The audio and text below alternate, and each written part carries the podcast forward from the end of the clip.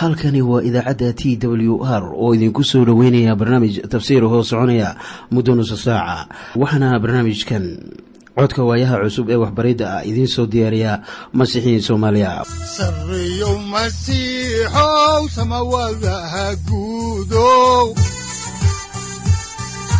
Siraadkii adduunkow subanaha eebow sareyow masiixow samawadaha guudow siraadkii adduunkow subanaha eebow adigoo samada jiro ifkan soo saldhiganba adigoo samada jiro ifkan soo saldhiganba kutubtiisanaye ku soo dhowaada dhegaystayaal barnaamijkeenna dhammaantiinba waxaan horay u sii ambaqaadi doonnaa daraasaadkii la magac baxay baibalka dhammaantii. Waxaannu caawa idiin bilaabi doonnaa cutubka shan iyo tobanaad ee injiilka sida yooxanaa uu u qoray ah oo mawduuciisuna uu yahay ciise oo qalbiqaboojinaya xertiisa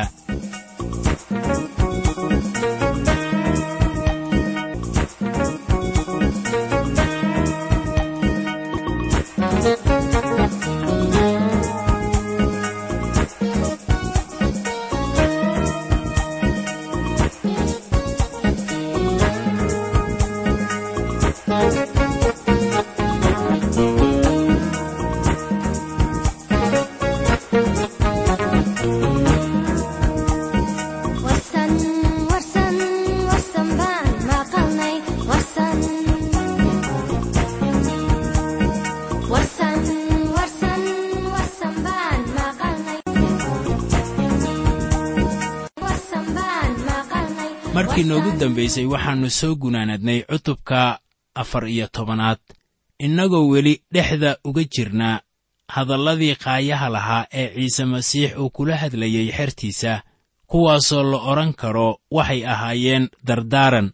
Haddaba mawduuca cutubkan shan iyo tobanaad waa mid weyn waxaana weeye in ciise uu yahay geedka canabka ah ee runta ah xertuna ay yihiin laamihii sidaan idiin sheegnayba cutubkan shan iyo tobanaad wuxuu qayb ka yahay khudbadii ka socotay qowladda sare.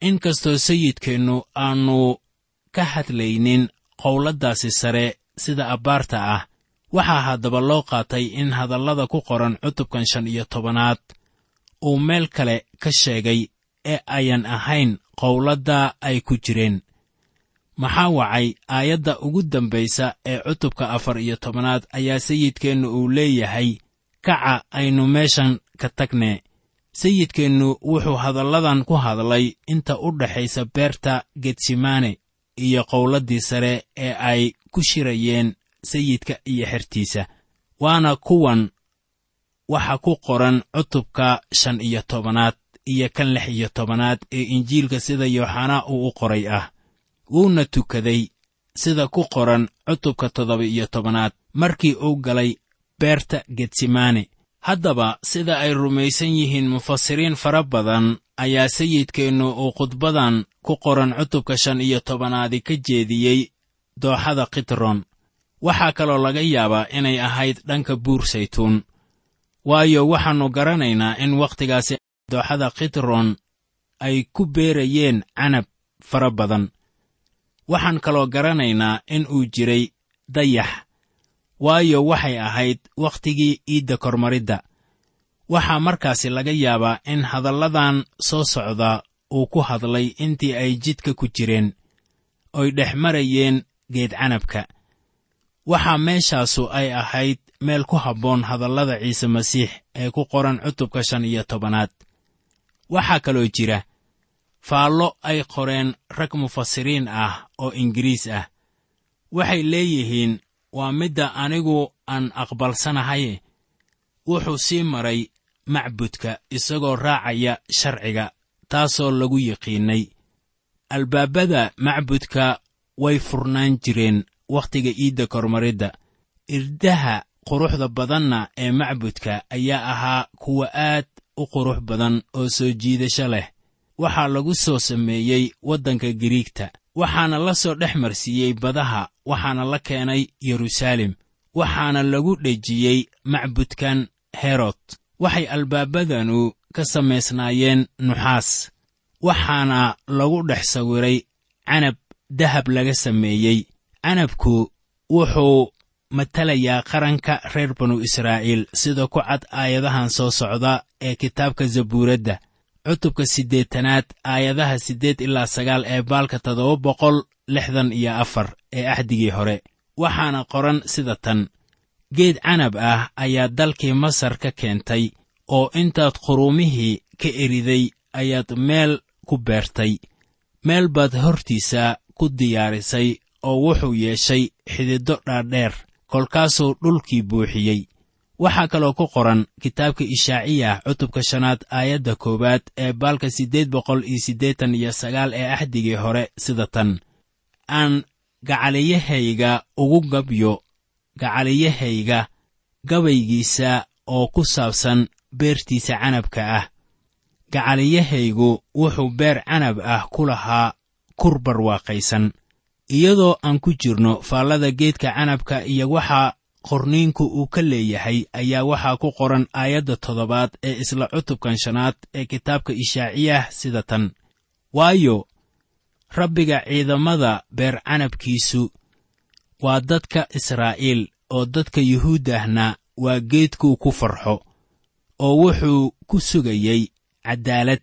Laakiin bal eeg waxaa ka soo baxay dhiig daadasho oo wuxuu ka sugayey xaqnimo laakiin bal eega waxaa ka soo baxay qaylo.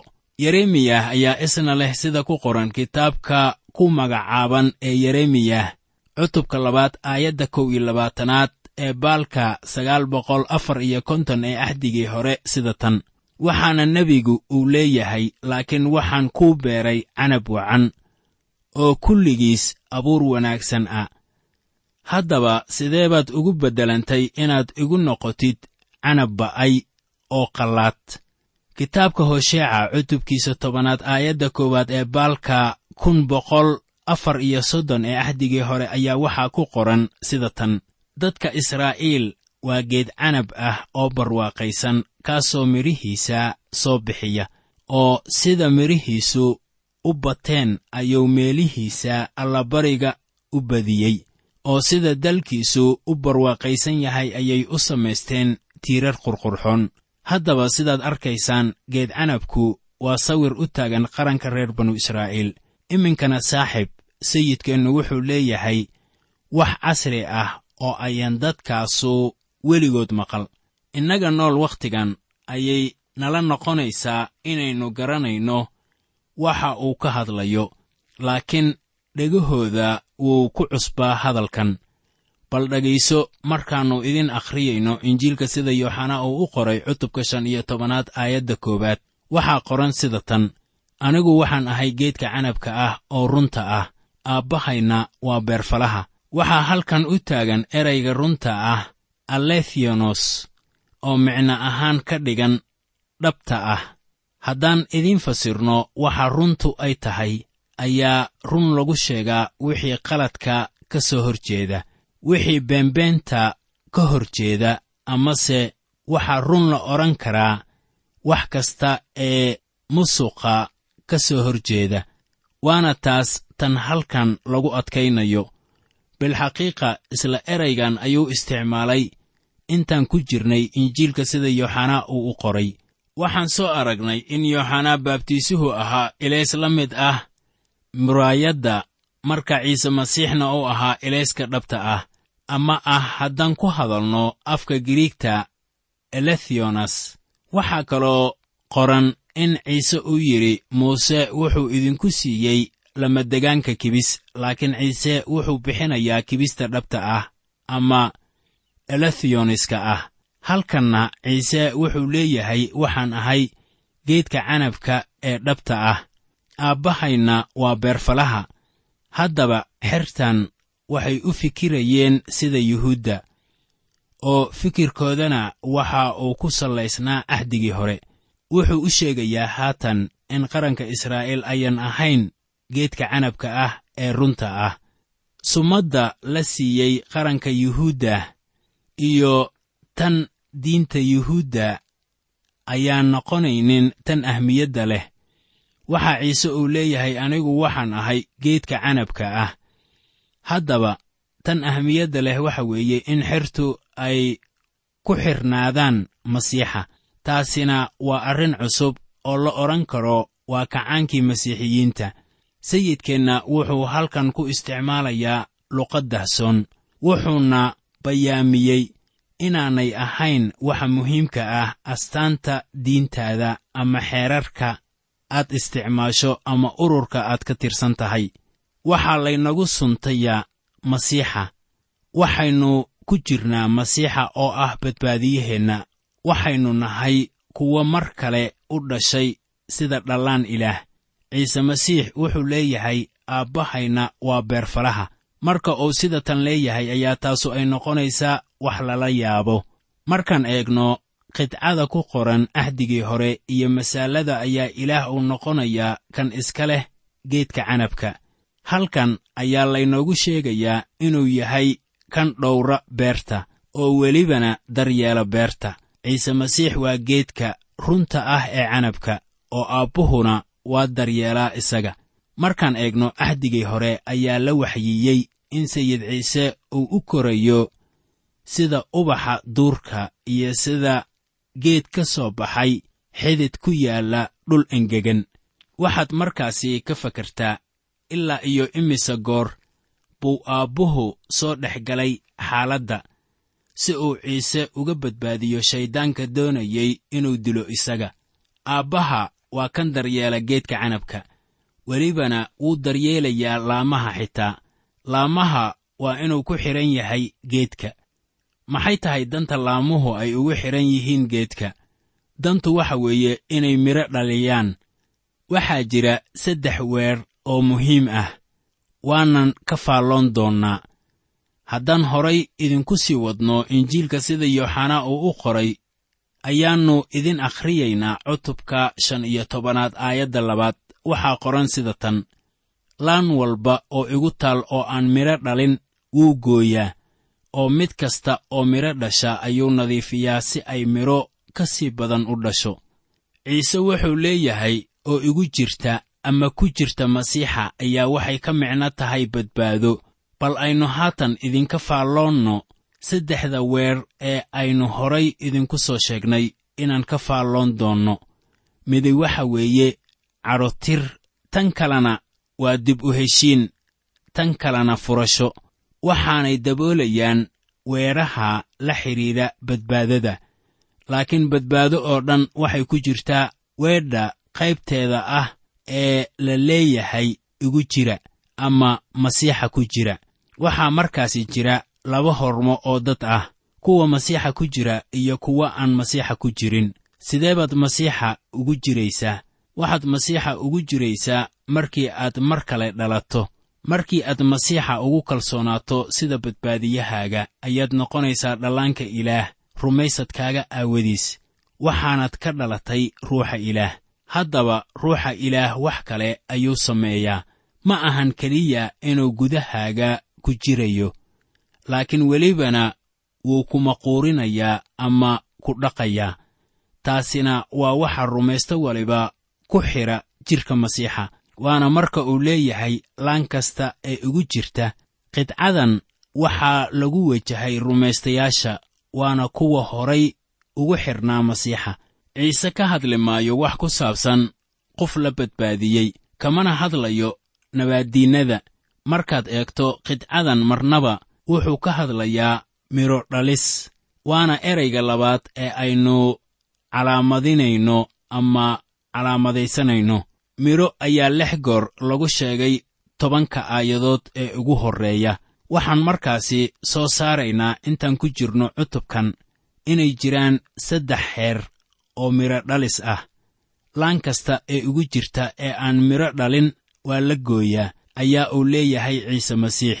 Halkeebuu geynayaa wuxuu ka qaadayaa halkii laga doonayey midhobixinta bal dhegayso sida uu xaalkaasi ugu fasiro aayadda lixaad oo leh qof un hadduusan igu jirin waxaa loo tuuraa sida laan oo kale waana qallalaa markaasaa la ururiyaa oo dabka lagu tuuraa oo la gubaa qof baa odhan kara taasu waxay u muuqataa sida inaad lumisay badbaadadaadii.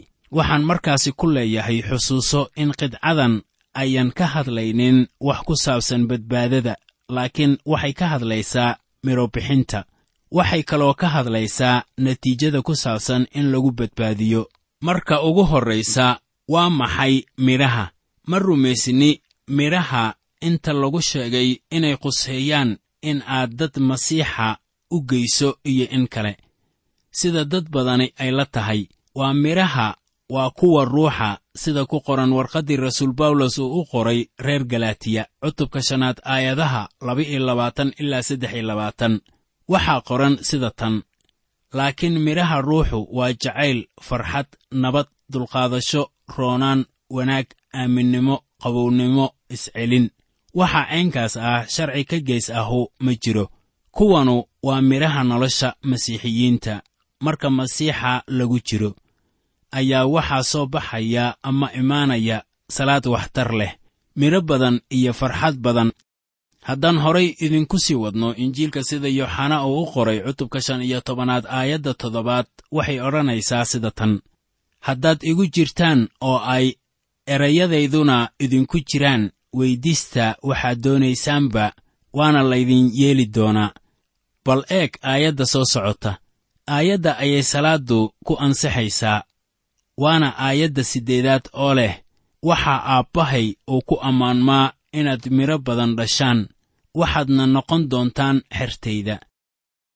Midhihii baa noqonaya joogto. Bal aad u eg aayaddan kow iyo tobanaad oo leh waxaan waxyaalahaasi idinkula hadlay in farxaddaydu ay idinku jirto iyo inay farxaddiinnu buuxsanto.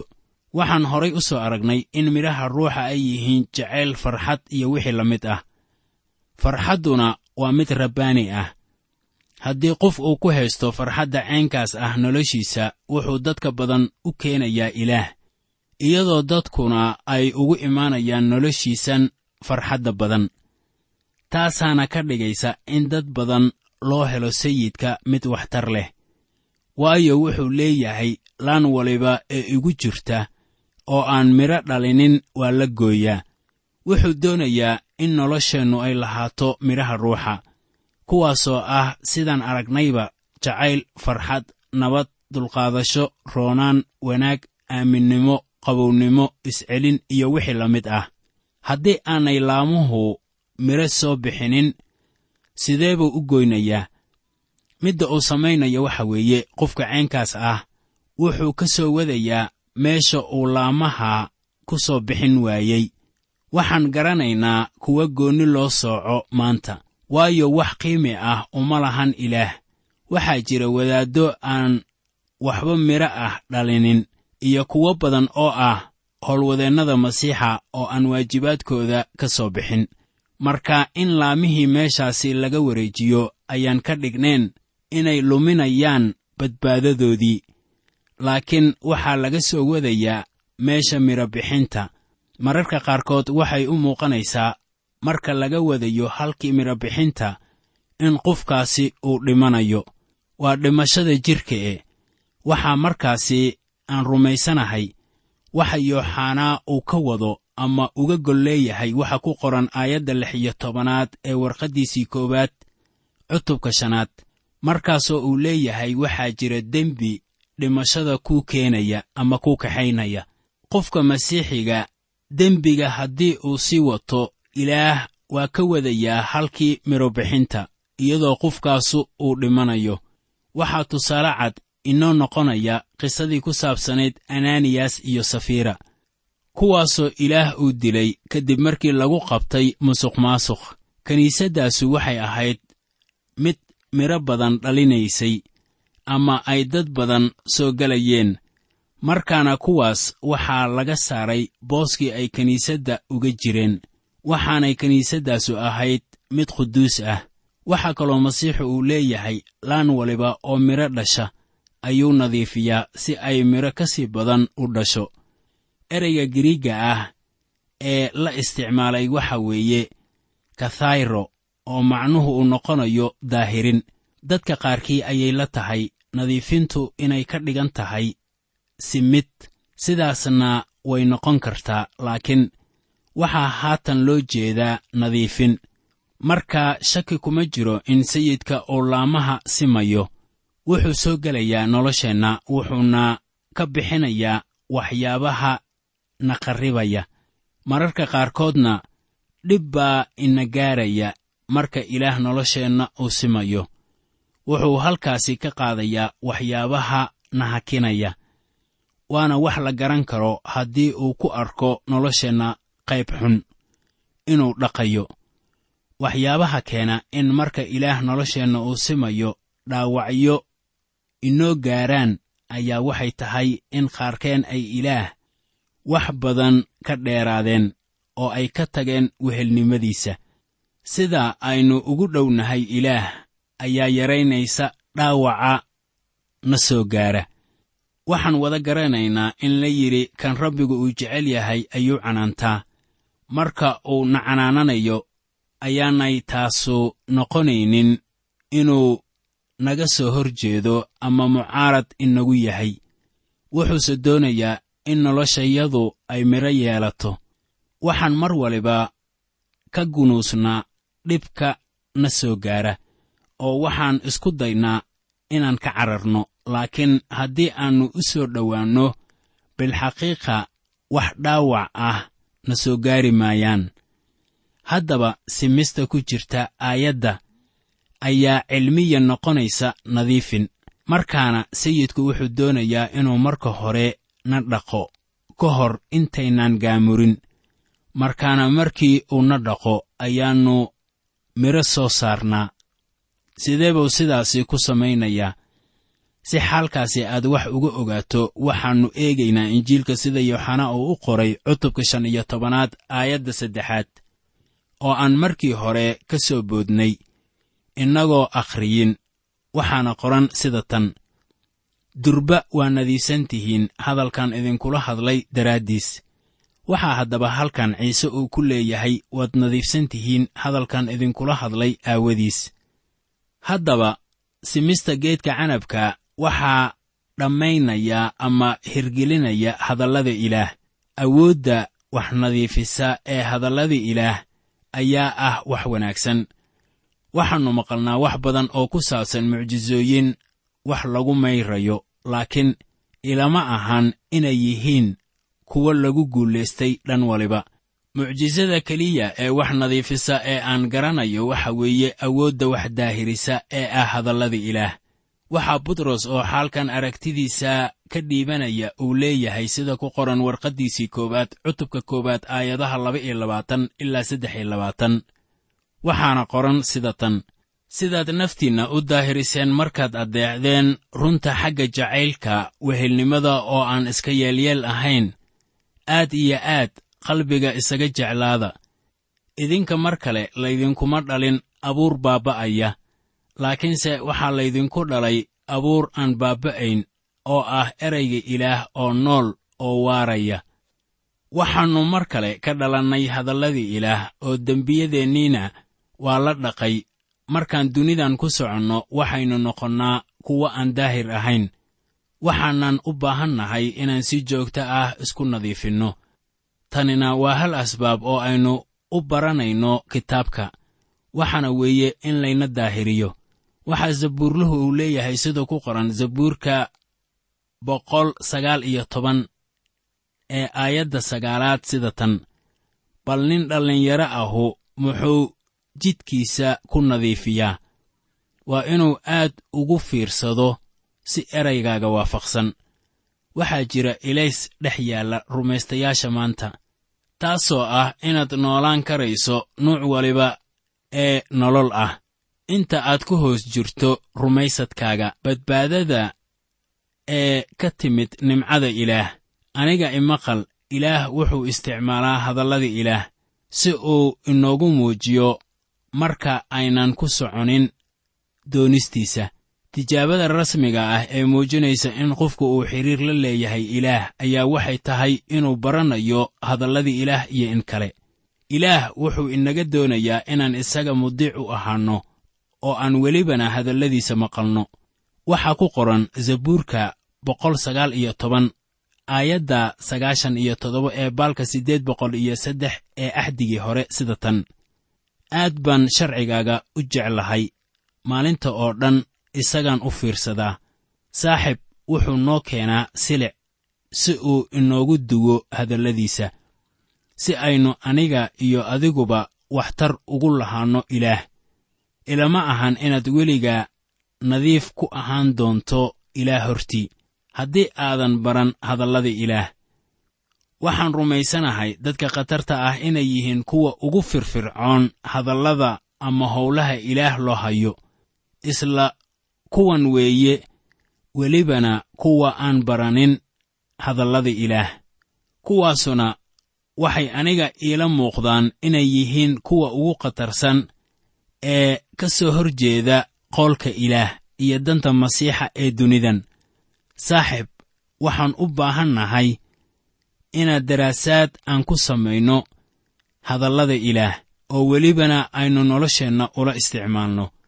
Haddaan horay idinku sii wadno injiilka yooxanaa cutubka shan iyo tobanaad aayadda afaraad ayaa waxaa qoran sida tan igu jira annaa aan idinku jire sida laanta keligeed aanay midho u dhali karin haddaanay geedka canabka ah ku oolin sidaa oo kale idinkuna ma dhali kartaan haddaydnaan igu jirin waxaan haatan soo gaarnay eraygii saddexaad oo aan doonayey inaad calaamadaysataan. Waxaana weeye ku jiris marka masiixa lagu jiro ayay taasu ka dhigan tahay in wehel lala ahaado isaga wakhtiga oo dhan. Waxaan kaloo ka hadalnay awoodda wax badbaadisa ee qowlka ilaah. Taasuna waa qayb ka mid ah ku jiris waa in maalin waliba layna nadiifiyo. Waxa markaasi layska doonayo waxa weeye inaan dembiyadeenna qiranno. Haddii aynu ku sii jirno waase haddii dani ay inaga hayso inaan wehelnimo joogto ah la yeelanno isaga. Weliba haddii aynu ku sii jirno waa inaan dhowrnaa amaradiisa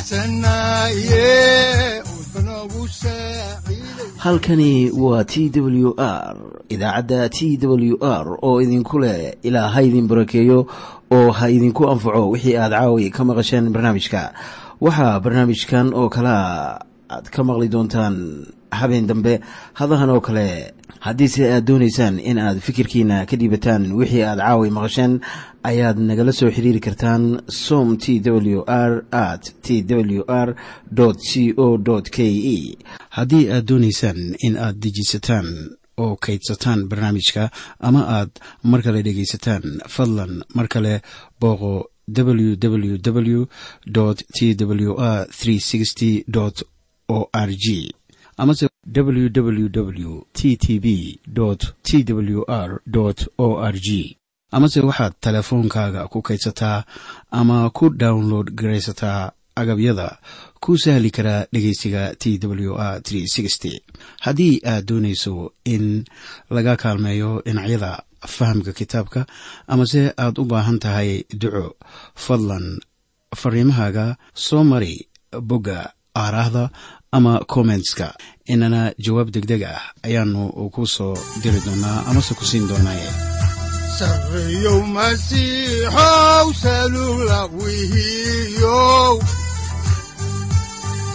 Saacadda timid dhulka sabada ku dhalatiyo